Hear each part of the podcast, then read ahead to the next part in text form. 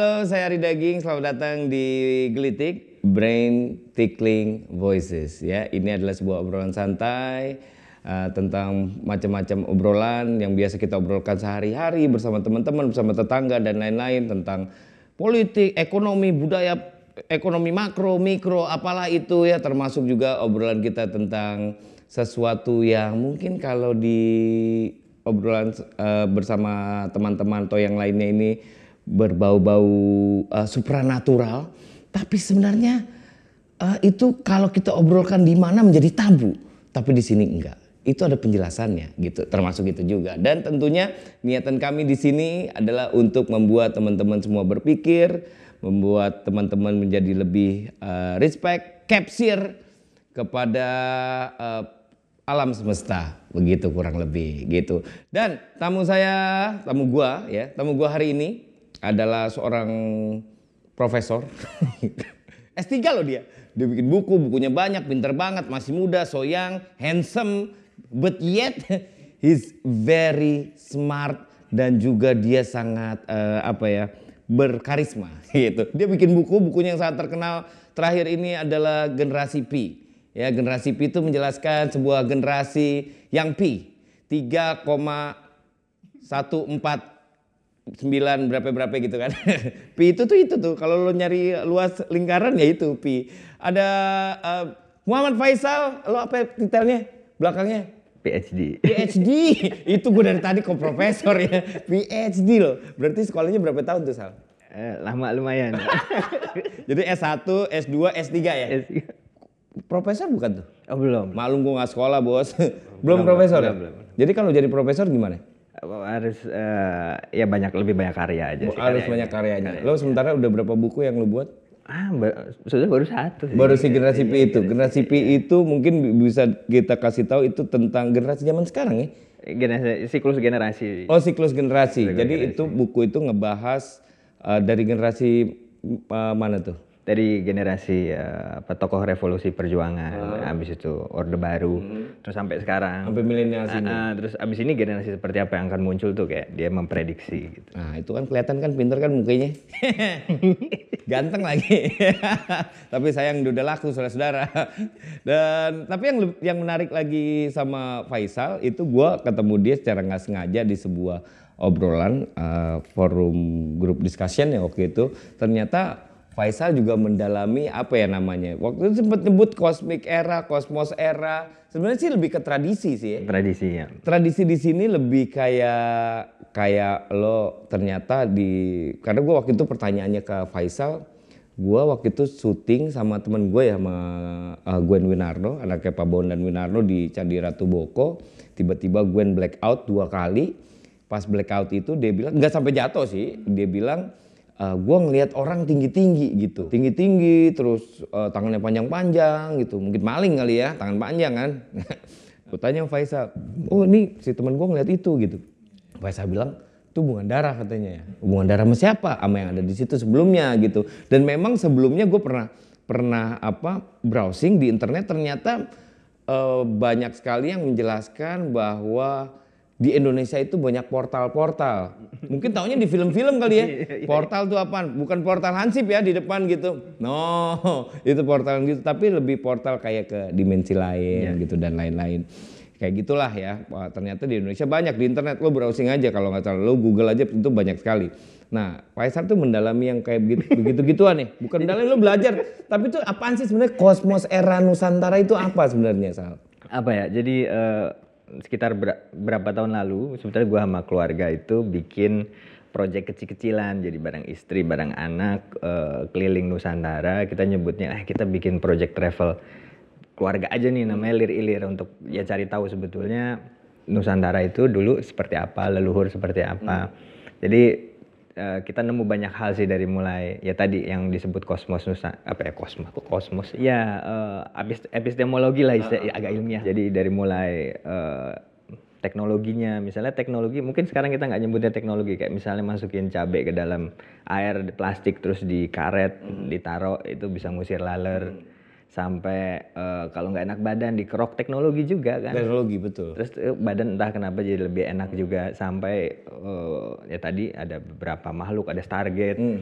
dan Oh Stargate, Por- Porta tuh Stargate ya? Iya. ada beberapa lokasi-lokasi yang yang itu juga eh, ya lintas agama mengakui bahwa ya di situ memang bisa menjadi portal menuju tempat lain. Hmm, hmm.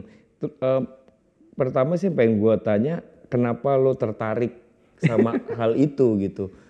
Apa karena lo penasaran, orang-orang suka aja. Ya kadang-kadang kita kan kalau lagi nongkrong kan ya, gue ya lo ngomong, wah gua lewat ini lihat beginian gitu. iya, iya, iya. Terus sekarang di YouTube pun banyak gitu masalahnya kan, Iya, iya. yang belum lama di apa Sukumante di Aceh gitu ada orang kecil bawa-bawa tombak lari kenceng banget dikejar ada kameranya bos itu mau bilang trik kamera tapi Iya. kok hebat banget ngalang-ngalain transformer gitu kan. Iya. PR bener cuma ditaruh di YouTube gitu kan.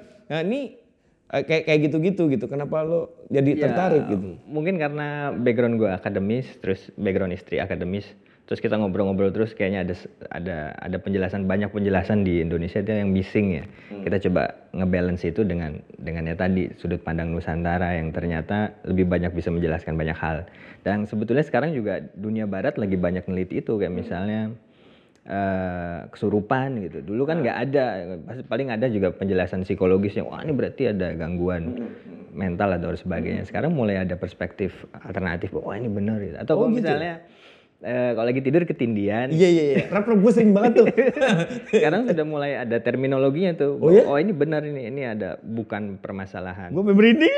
Bukan permasalahan apa namanya eh, saraf tubuh atau tingkat kedalaman tidur. Kan dulu kan semacam seperti itu bahwa kita masuk ke level kedalaman tidur yang Deep terlalu sleep, tapi- terlalu deep sleep tapi eh, apa kita berusaha bangun gitu. Sekarang ada terminologi lain kok penjelasan bahwa oh ini ternyata ada kaitannya dengan dengan makhluk lain dan sebagainya. Udah mulai mulai dibahas ya. even luar negeri juga membahas itu. Iya udah mulai di luar membahas. negeri namanya apa? Rip rep rep rep gitu. Kalau di sini kan ada namanya rep rep ketindian eh, gue lupa tapi Bahasa bule ya, ada ada ada ada. Dan kita sebetulnya pas keliling Nusantara juga banyak berpapasan dengan para peneliti dari dari luar negeri. Yang mereka juga meneliti hal-hal itu sampai ke level misalnya eh, arsitektural terus bagaimana pengaruh arsitektur ini ke tingkat spiritualitas manusia dan sebagainya sih gitu. Tapi kalau eh, ini sebelum kita bahas satu-satu gitu ya, ini eh, karena kita masih perkenalan, jadi kalau mau dengerin dengerin terus episode-episode selanjutnya bersama Faisal ya,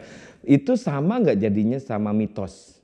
Sama si, mitos. eh, eh, eh, si yang tadi lo cerita tadi itu dengan mitos, karena kan kita suka suka dengar juga kalau kadang-kadang yang namanya orang tua gitu ya, eh, nggak boleh kalau maghrib harus masuk rumah. Terus ada juga jangan lewat kolong tangga.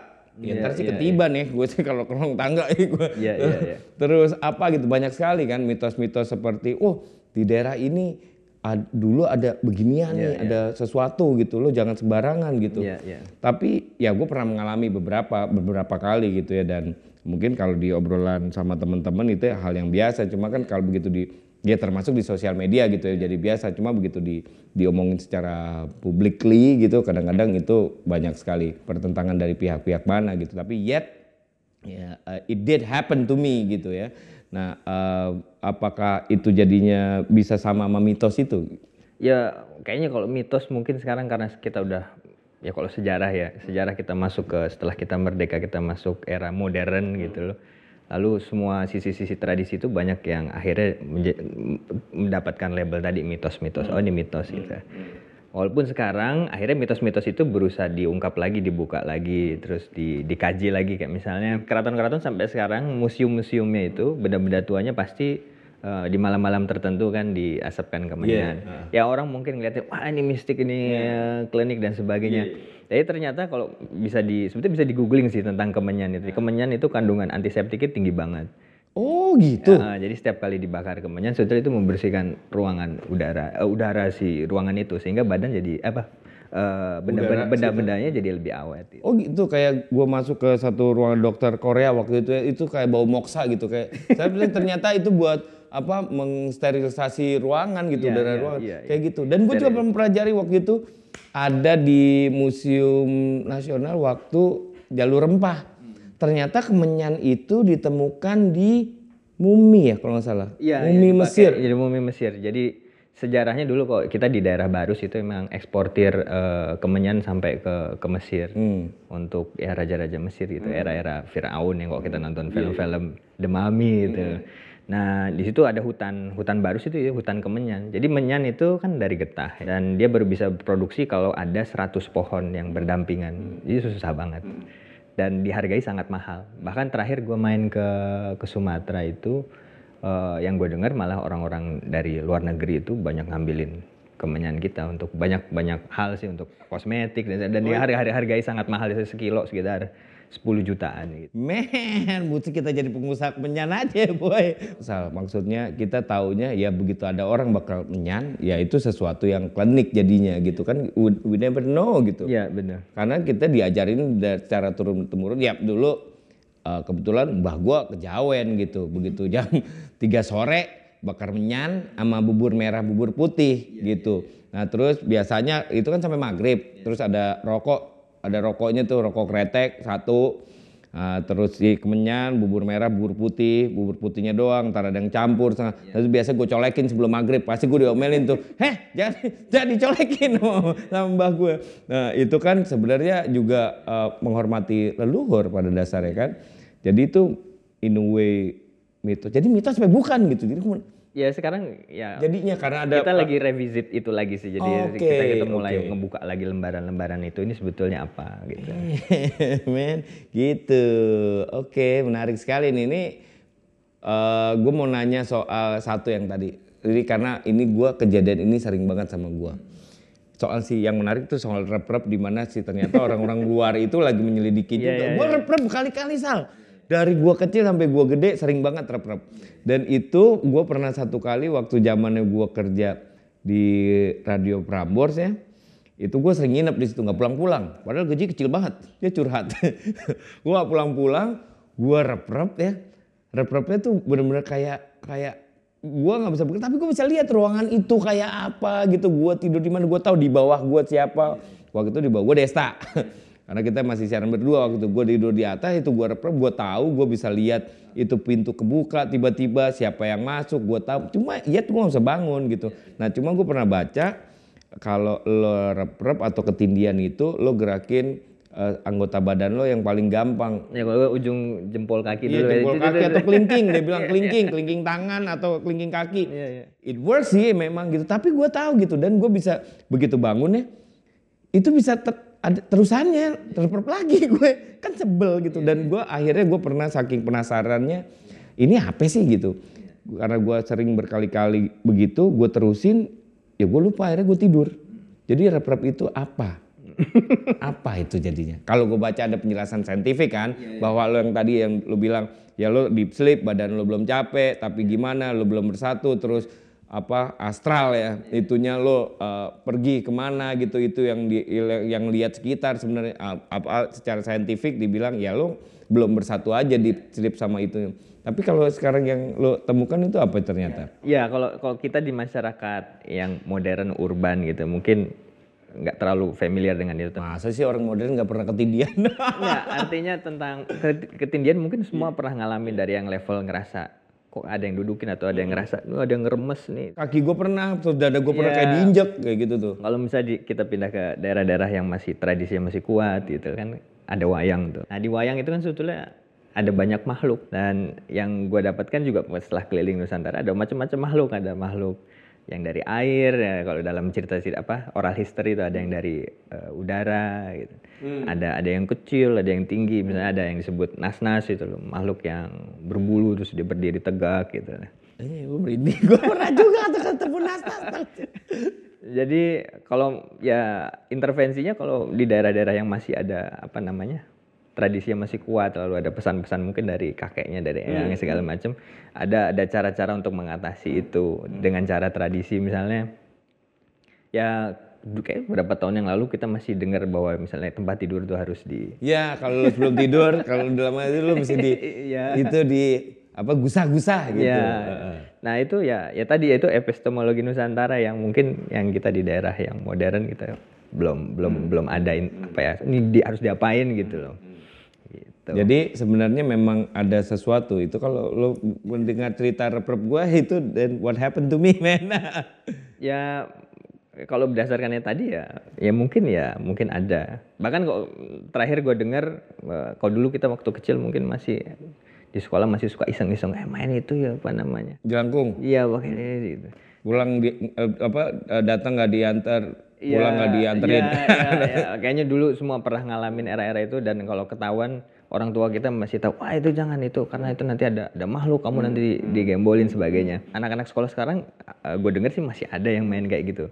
Tapi kan dia nggak nggak dikasih tahu sama orang tuanya itu apa gitu pas bendanya bergerak dia terus, wah lucu nih gitu lah. Padahal yang gerakin entah apa gitu ya. Entah apa gitu. Harusnya sebetulnya ya kita harus revisit lagi tuh dulu sebetulnya uh, apa namanya uh, kisah-kisah itu biar ya kita punya pemahaman yang lebih lebih lebih utuh lah gitu. Dan tahu cara intervensinya. Sama gue terakhir nih belum lama rep-rep ya, gue tidur di rumah, itu tiba-tiba ini kayak gue tuh lihat kayak ada whatever makhluk kali ya itu masuk dari luar, ya matanya gede bes gitu, itu besar dan warnanya kayak matanya hijau terus giginya hijau taring semua gitu yang ke muka gue tuh nggak tahu ngomong apa ngangong ngangong ngangong gitu tuh. Terus ya udah terus dia cabut gitu. Nah I thought itu cuma gua doang gitu yang yang yang pernah melihat itu. Tapi ya ada salah satu saudara gua bilang apa yang pernah melihat itu juga di one of the relatives house lah gitu yeah, yeah. katanya gitu. Itu apalah dia menjelaskan yeah. itu mungkin nggak sih? Uh, ya sangat mungkin mungkin kalau kita sekarang kayak nonton uh, X-Men gitu ya kayak ngeliat wah ini ada makhluk bisa begini keren. Terus kita jadiin ada ada apa namanya ada mainannya ada merchandise-nya. Padahal kalau kita datang ke keraton-keraton tuh ada tuh, tuh apa namanya lukisan relief itu makhluk-makhluk itu yang dulu hadir berinteraksi dengan manusia di Nusantara. Ada yang sebagian kerjasama ada yang sebagian ikut perang bersama apa namanya tentara-tentara. Di keraton? Iya ada. Di keraton mana? ya, hampir semua keraton kita pasti ada. ada. Oh ya? Iya ada. Iya. Wow. Ada yang bentuknya naga, ada manusia berkepala naga, ada hmm. yang ada yang pendek, ada yang badannya besar dan sebagainya. Kalau itu bisa digambarin kan berarti orang dulu kalau ternyata itu adalah sebuah apa namanya uh, daya kreativitas mereka mereka kreatif banget ya bisa digambar gitu ya kan tapi tapi uh, secara apa yang lo jalani lo pelajari bahwa sebenarnya si makhluk itu iya hidup berdampingan dengan dengan masyarakat wow wow ya, yes. can we see them Uh, kayaknya ada. ya kayak gini nih, kayak gitu tuh pertanyaannya kayak gini. Dalam satu keluarga biasanya ya, kalau di gua, ini ada ada adik gue yang ternyata very sensitif sama hal-hal kayak gitu gitu. Uh, dia nggak perlu belajar, dia nggak perlu uh, mengasah atau apa, dia bisa tuh ngeliat yang begitu-begitu gitu. Nah, uh, kayak contohnya uh, suatu hari kita lagi di Jogja, tiba-tiba ada gue jatuh mau kecemplung sumur kaget banget karena dia ngelihat apa satu makhluk perempuan gitu di bawah sinar bulan purnama dan terang banget dia bilang nah tapi dulu gue waktu masih kecil pernah ngelihat ini benar-benar depan mata kepala gue jaraknya paling cuma 2-3 meter gitu. Jadi dulu gue punya gue tinggal di satu daerah Ciledug namanya. Kampung banget pada saat itu. Nah bokap gue itu bikin rumah tapi toiletnya di belakang di luar rumah kayak pavilion gitu nyambung sama dapur tapi di belakang gitu. Jadi mesti keluar rumah dulu gitu karena rumahnya bentuk KL tapi keluar gitu terus di luar pagar ada pohon bambu dan lain-lain. Nah karena waktu itu malam-malam gue mau pipis aku takut ya ke sana. Ternyata bapak gue juga penakut. Pak mau pipis? Udah depan rumah aja gitu. Depan rumah lah di teras gitu. Di teras rumah gue pipis. Nah ini satu kejadian yang sampai hari ini gue nggak pernah lupa. Itu adalah ada satu sosok orang bentuknya orang. Gue jelas banget lihatnya orang sal. Orang tapi terang banget kayak neon. Neon exactly neon gitu yang terang banget tuh orang yang nyala gitu lari gitu yang bayangannya ngikut gitu. Eh gitu lari depan gue lewat aja gitu. Itu gue masih masih inget banget. I don't think I was drunk that day karena gue masih masih kecil. Kalau nggak salah gue kelas 1 kelas 2 SD gitu. Dan gue rasa gue nggak berimajinasi pada saat itu juga ya. Karena gue secara sadar gue melihat itu sampai hari ini pun gue masih inget itu salah satu kejadian yang ya say supranatural lah ya yang gue alami gitu ya. Eh, itu apaan tuh Sal? Wah, gue nggak bisa jawab pastinya ya, tapi Apakah ada dulu penjelasan bahwa ada nih terang? ada ada. Bahkan hmm, kalau dalam ya tadi eh, oral history kita misalnya manusia pun bisa mencapai bisa merubah bentuk-bentuk wujud dirinya gitu loh. Karena kan kalau di epistemologi kita ya- Mistik, mistik, si mistik. Iya, mistik. Yes, yes. Eh, kan ada badan, ada ruh gitu kan. Jadi kalau kita dominan ngikut badan, misalnya, ah kayaknya enak nih kalau makan es krim siang-siang. Makanya ruh kita ke bawah badan. Tapi kalau kita bisa ngelawan itu seperti dulu di eh, kan ada lelaku-lelaku. Apaan tuh? Lelaku ya jadi kayak misalnya kalau di masyarakat di Jawa misalnya ada mutih gitu terus makannya nasi aja gitu. Jadi dia bisa ngelawan keinginan tubuh, nanti ruhnya lebih dominan. Saya kok ruhnya lebih dominan, tubuh ngikut apa yang dikatakan ruh. Jadi kalau ah, ruhnya pengen eh, melayang, terus badannya bisa ya gitu, ba- badannya ngikut dia. Bisa buat diet juga berarti ya, multi itu ya. Iya dong. Iya dong. ya, ya, ada, mau kurus. ada ada ya ada epistemologi itu, ada ada ada sudut pandang itu yang dulu dulu kuat banget di masyarakat Nusantara. itu kayak ngingetin gue sama ceritanya Doctor Strange. Mm-mm. Yang apa? Itu apa sih namanya rohnya? Astral ya namanya. Astral, iya. Astralnya itu keluar terus yang dia berantem itu Iya. tuh sama astral lain. Iya. Kayak gitu dong. Iya, bahkan kalau dalam kisah-kisah eh, apa namanya perlawanan kita melawan kolonial ya ilmu-ilmu itu kan dimanfaatkan semua. Oh ya? Iya, kayak de- kita nggak pernah tahu ya? ya kayak debus gitu. Debus kan itu sebetulnya pertunjukan yang digunakan untuk melatih eh, tentara-tentara dari Kesultanan Banten yang nanti dipakai ketika menyerang. Oh. Iya, menyerang VOC. Gue cuma taunya cerita waktu itu entah serangan Fajar atau apa filmnya itu Him Damsik waktu dia naik ke pagar ditembakin gak mati-mati begitu turun pagar ditembak mati soalnya jimatnya nyangkut di pagar so that happen dong sebenarnya Happen banget, happen banget. Di Bah- sini? Ya dan mereka bisa punya satu teknologi di mana detect nih. Jadi makhluk-makhluk hanya boleh menyerang mereka yang menggunakan pakaian tertentu. Jadi waktu misalnya eh, kalau tidak salah ya moga-moga tidak salah perang antara Kesul- eh, Sumedang dengan dengan Cirebon. Jadi salah satu Sumedang ada kerajaan ya? ada Oke. eh, itu apa namanya tentara Cirebon itu menggunakan batik. Nah, jadi semua yang pakai batik akhirnya mereka terluka karena ada makhluk yang tidak terlihat yang menyerang semua yang berpakaian batik gitu. Jadi kayak di tag dulu gitu. Ini yang ini yang diserang. Nah, gitu. Kayak main main itu apa namanya? Kemen Pukji ini kayak Game of Thrones lagi. Ada tuh yang eh, Red Woman itu ngeluarin satu makhluk terus ngebunuh siapa itu satu raja. Men, ini sih banyak banget nih sebenarnya kalau mau di, kita terusin lagi deh ya sedikit ya. Soal em, si tradisi tradisi ini termasuk juga eh, ini sih pengalaman pengalaman pribadi ya yang pernah gua gua alami yang gua pengen Tapi banyak yang pengalaman serem-serem. Gue nggak banyak sebenarnya cuma dikit cuma gue inget aja gitu loh Sal. Karena kan signifikan jadinya gitu loh. Kayak ada ya nih satu satu kali nih ya gue tadi lo menyebut nas-nas tadi nih si nas-nas itu adalah makhluk yang tinggi dan berbulu. Mungkin kalau di sini orang nyebutnya gondoruo kali ya. Ya, Beda mungkin ya macam-macam ya oke. Anyway jadi gue ada satu kali gue ketindian lagi Sal. Ya rep rep. I thought itu rep rep. Tapi gue yakin gue enggak. Ini gue tidur tiba-tiba kamar gue kamar gue sliding door seret gitu. Terus eh, datanglah si makhluk tinggi banget seplafon tingginya asli tinggi banget. Terus gue kayak dia kayak kayak bilang sama gue minggir gue mau tidur gitu terus gue kayak minggir gitu terus dia tidur. Tapi ya gue ngerasain dia tuh badannya jatuh di sebelah gue tuh ngek gitu kasur masuk tuh. Gue ngerasain banget cuma gue nggak bisa ngapa-ngapain. Sekali lagi gue pikir itu gue doang gitu ya di rumah lama gue gue SMA waktu itu.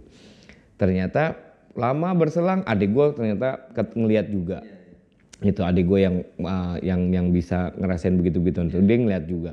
Terus ama kita akhirnya pindah rumah nih. Kita pindah rumah pindah ke satu tempat rumah itu dijadiin apa sama bokap gue kalau nggak bengkel aksesoris mobil kalau nggak Iya, salah. iya. yang nungguin adalah sepupunya Eh, dan gue dulu zaman kuliah itu zaman kuliah tuh gue sering banget ke situ karena gue suka gonta-ganti tape mobil karena gratis ya. Ya pakai dulu sebelum dijual gue pakai dulu gitu ya. Jadi dia ngerjain. Nah dia tidur di situ tuh. Gue in a way kayak kasino waktu ganti-ganti mobil eh, ternyata rumahnya bengkel ya. Kalau gue ganti-ganti tape mobil gue main ke situ terus si eh, saudara gue tuh bilang, "Dik, eh, di sini rumahnya eh, begini-begini. Kenapa emang, Mang?" gitu gue tanya orang Sunda. Kenapa Mang? Iya, waktu itu eh, hujan terus eh, kita lagi di atas, hujan gede, tiba-tiba pintu di bawah digedor-gedor, katanya kenceng banget digedor-gedor. Ya udah, Mang turun, dia bilang Mang turun, begitu buka pintu itu orang tinggi banget cuma nggak kelihatan karena sekusen lewat gitu. Jadi yang kelihatan cuma dadanya ke bawah gitu dan berbulu gitu. Gue bilang, "Hah? Lo lihat juga?" Gue lah emang Ari pernah lihat? Pernah gue bilang. Iya itu orang gede banget gitu. Dia langsung lari gitu ke atas tuh. Itu itu apa salah? Ma- ya Apakah itu nas-nas gitu? Iya, mereka juga bermasyarakat kalau dalam Oh ya, Iya, dalam sejarah Nusantara dulu sebelum ada manusia, itu kan memang hidup berbagai jenis makhluk di di di Nusantara. Iya, misteri sih. Iya, jadi kalau misalnya di di di luar negeri itu harus pakai alat tertentu, pakai kamera untuk Iya, iya, menangkap iya. mereka. Kayak kita mungkin sehari-hari itu sebetulnya banyak berinteraksi sama mereka dan mereka tidak malu juga sih. Jadi nggak nggak- ada kamera durut kabur gitu. Oh my god, man. Jadi Berarti itu memang kalau dulu memang ada kearifan lokal kita untuk bagaimana caranya berinteraksi dengan mereka ya. Kadang juga ada yang istilahnya canda-canda. Jadi seba- sekedar menyapa saja. Oh menyapa tapi menyapanya ngagetin ya. Saya nggak suka dikagetin soalnya lemes. Saya tuh males kalau lemes. oh gitu. Tapi eh, kenapa kita bisa sampai atau mereka itu sampai pengen terlihat gitu sama kita sometimes gitu ya. Walaupun nggak semua orang bisa gitu. Hmm, Macam-macam. Apakah itu memang lo bilang dia cuma mau menyapa atau dia mau apa apa niatnya jahat? Pasti kalau lo bilang dia juga bermasyarakat berarti ada yang jahat juga dong Sal. Iya, iya, iya. Ada yang jahat ada yang baik. Memang gue pernah baca di sebuah buku ya. Ya kayak manusia lah. iya, ada yang jahat, ada yang baik, ada, yang yang, berpolitik sekolah, juga. ada yang sekolah juga, Ada ada yang berpolitik gitu. Itu ada loh bukunya gitu, ada bukunya dan mungkin sekarang penjelasannya juga di internet juga makin banyak kali ya sekarang ya. So pada dasarnya ya kalau gue jadi ya kalau kita da- m- bisa menyimpulkan dari obrolan kita yang pertama ini ya Saleh, kayak kayaknya somehow kalau lo bilang bahwa kita memang hidup bersama gitu ya. Memang pun dijelaskan banyak yang bilang bahwa ya kita hidupnya bareng cuma ya nggak terlihat aja gitu. Eh mustinya memang akhirnya kita mesti eh, ya mutual respect sih kalau menurut gue sama ya kita harus menghormati apa pun itu gitu nggak cuma orang gitu. Karena kan kalau lo hidup bersama ya kalau lo saling bertoleransi saling menghormati uh, nothing happen. Mungkin malah jadi keadaannya adalah makin menjadi lebih baik gitu nggak sih Iya nggak sih Iya, jadi kayak eh, hal-hal kecil kayak dulu kita diajarkan kalau buang air panas tuh jangan ke sembarang tempat. aduh gua buangnya sembarangan mulu sama Karena ya selain selain ya tentu ada semut, ada serangga di tanah gitu. Ya ada juga memori kolektif tentang ya makhluk-makhluk yang tinggal ada masyarakat di bawah tanah sana. Ini gue mau cerita nih, ini gara-gara lo nih. Jadi gue pernah nih Sal ya, nih gue nanya lagi nih sama lo. Jadi gue dulu syuting, syuting di sebuah hutan di dekat ujung genteng lah. Pokoknya kita kita nginep di di, di hutan itu. Eh, ada satu set yang ke dalam hutannya itu susah gitu, mesti pakai karabiner lah, tarik-tarik apa, alat juga mesti dilempar-lempar pakai tali gitu, susah deh masuk ke dalamnya. Gue nggak tahu kenapa gue mesti masuk ke dalam situ, padahal gue nggak ada syuting di situ. Set gue tempat lain, cuma karena gue pengen tahu, jadi gue masuk lah. Nah jadi ada satu kru yang kebetulan dibilangnya orang pintar lah ya, padahal dia kru lighting, kita panggilnya Pak D. Dia sebelum kita syuting di tengah hutan itu, dia bilang. eh, Oke teman-teman kita mau syuting dalam hutan, so uh, tolong hormatin yang ada di dalam apa pun itu. Dia bilang gitu terus. Yang paling penting kalau lo mau uh, buang air kecil, lo mau pipis, lo mau boker gitu, dia bilang jangan di pohon. Ya boker di pohon sih aneh juga sih lo ya, lo bewok lo kelihatan gitu ya. Eh, jangan di pohon, jangan di semak-semak. Dia bilang lo cari rumput aja yang datar, lo lo di situ. Intilala kejadian lagi sama gua. Gua udah jalan jauh saya mau pipis dong gue. Nah, gua pipis nih, gua udah mau. eh aduh, gue pipis di mana? Gue cari-cari, wah nggak ada karena pohonnya begitu padat gitu kan. Susah nyari yang rumputnya, rumput semua datar. Akhirnya gue nemu lah kayak tanaman kecil-kecil itu pendek-pendek ya elah. Kalau ini nggak mungkin semak-semak namanya. Kalau di kepala gua semak-semak tuh gede gitu kan. Ini bukan semak-semak, ini pohon kecil. kayak kecil-kecil gitu lah, pendek-pendek. Pipis lah gue situ cuy, pipis. Udah selesai. Gue juga bilang, gue selalu karena dikasih tahu nama dulu lo kalau pipis sembarangan bilang numpang-numpang gitu Iya, kan. iya, iya. Anak orang mau pipis gitu Iya, ya kan. Tapi gue numpang-numpang ya anak orang mau pipis nih jangan dipapain nih gitu pipis lah gue. Udah gue selesai pipis gue nonton balik lagi nonton syutingnya. Tiba-tiba si Pade ini sebelah gue. Nah, mas, padahal dia tuh udah lama jauh di depan gue, udah nggak tahu gue di belakang kok. Tadi kamu pipis ya? Hah? Iya Pak De. Oh ya udah nggak apa-apa. Nih minum air putih. Gitu. dia ngasih gue uh, air mineral di gelas gitu. Kenapa Pak De? Gue kan jadi takut kan. Iya. Enggak kamu minum aja dulu minum, minum. Buruan sekarang minum. Minum gue minum. Baru gue nanya lagi kenapa Pak? Tadi kan ada yang kecipretan. Berarti dia itu kayak mediator gitu lah ya. Ada yang bilang tuh tadi ada yang kena tuh temen lo tuh gitu kali ya. Iya. Men.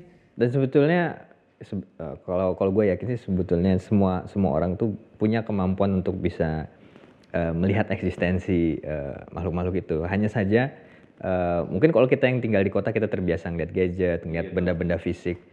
Misalnya kalau kita mati lampu kan kita sebetulnya masih bisa ngeliat tuh, wah ini ada benda nih sekitar kita tuh ada yang lebih gelap dari yang lainnya ya. Jadi kalau kita sering tinggal di alam lepas, soalnya mata kita jauh lebih sensitif karena tidak pernah kena teknologi digital, radiasi dan sebagainya. Jadi melihat yang fisik dan non fisik pun jadi Jadi lebih sensitif mata lebih, ya. lebih peka ya. Ada yang mau uh, belajar? Ya, silakan tinggal di tempat gelap tiap hari ya. Mungkin kayak narapidana yang tinggal di dungeon itu kalau satu minggu mungkin dia bisa ngeliat kayak gitu kali ya.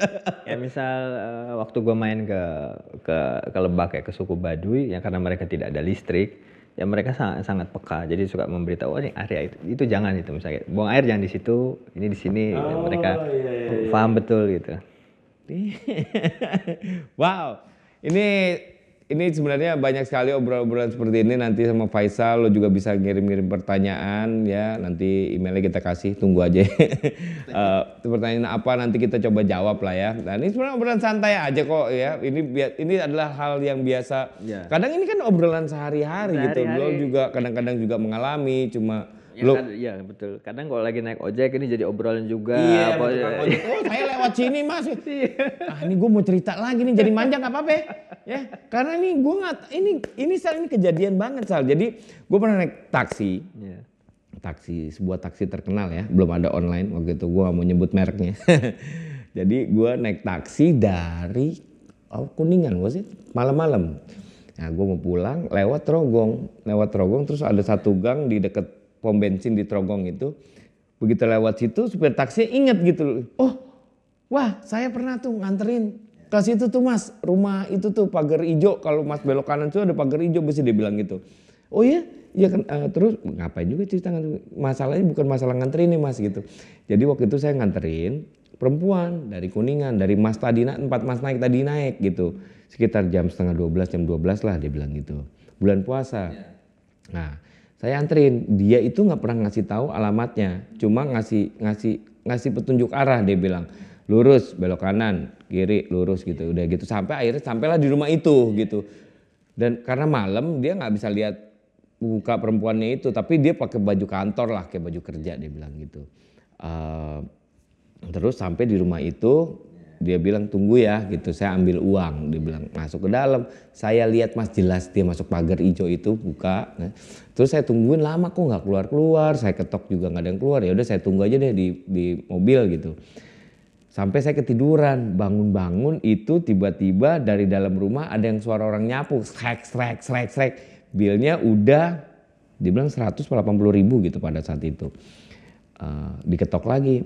Mbak eh, ini saya nunggu mbak yang tadi ini belum bayar taksi nih gitu. Ternyata udah udah hampir subuh udah subuh gitu dia tidur.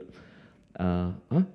siapa? mbaknya bilang. Ternyata asisten rumah tangga gitu. Siapa emang nggak ada kok nggak ada mbak mbak. Ada tadi tadi saya ngantar ke sini gitu. Akhirnya ribut lah si supir taksi ini dia cerita sama gue nih ribut sama si asisten rumah tangganya.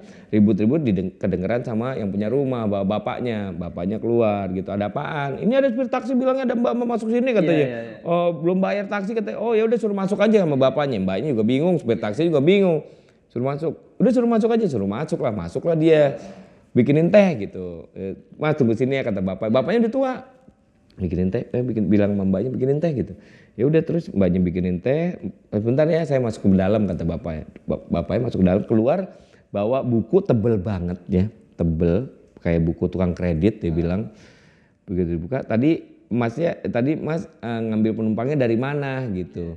Eh, oh taksi nomor berapa? Nomor sekian gitu. Ngambil ngambil ngambilnya dari mana? Dari sini dari kuningan dia bilang kuningan oh jam berapa? Jam sekian gitu. Terus si bapaknya ngasih foto. Ini bukan orangnya. Oh ya ini orangnya gitu. Oh ya udah bilnya berapa? Itu ta- eh, tarifnya. Sekian gitu dibayar gitu sama bapaknya. Oh ya udah ini. Nah terus ternyata di buku itu banyak sekali catatan catatan taksi. Dan taksinya selalu Iya. brandnya itu gitu. Dan selalu jamnya segitu.